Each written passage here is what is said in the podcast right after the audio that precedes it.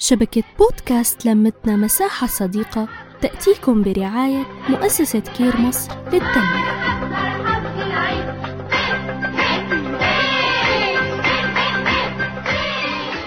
يا كحك العيد يحنى يا بسكويت يحنى يا شربطاطة يحنى في الكوبايات يحنى.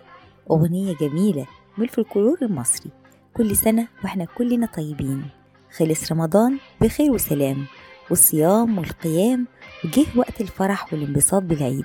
بعد الصبر دايما بيجي الجبر جبر الخواطر جبر الأرواح والقلوب وفرحة العيد. الكل بيتفنن في إظهار الفرحة دي من خلال طقوس طقوس لكل الشعوب لكل مكان لكل دولة لكل مجموعة بيكون ليها طقوس خاصة بيها عادات بتحبها وحاجات بتحب إن هي تعملها. في جزر القمر على سبيل المثال بيحتفلوا أول يوم العيد بافتتاح بطولة للمصارعة الحرة. في نيجيريا بيكون أكبر مواكب للأمراء والسلاطين متوجه للجامع لأداء صلاة العيد.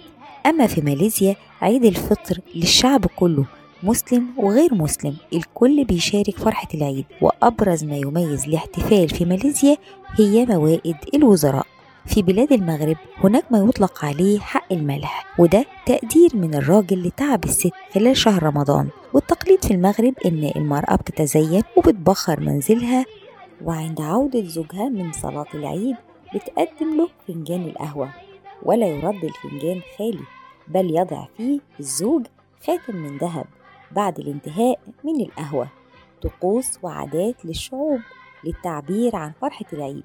وإحنا في مصر بنعمل الكحك والبسكوت ونفرش البيوت بأجمل فرش استعداد لاستقبال الزيارات.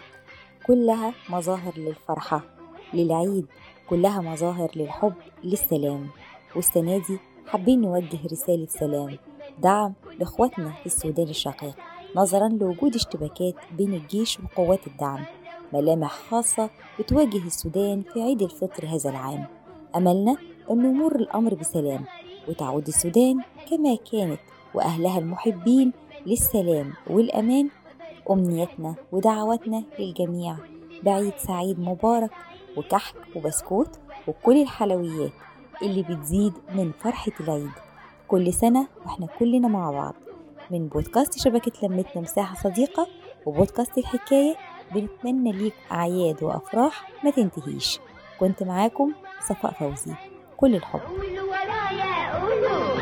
كسر يا رب في آياتنا واطرح فيها البركة والزين جانا العيد اهو جانا العيد جانا العيد اهو جانا العيد. نحكي نتشارك نتواصل.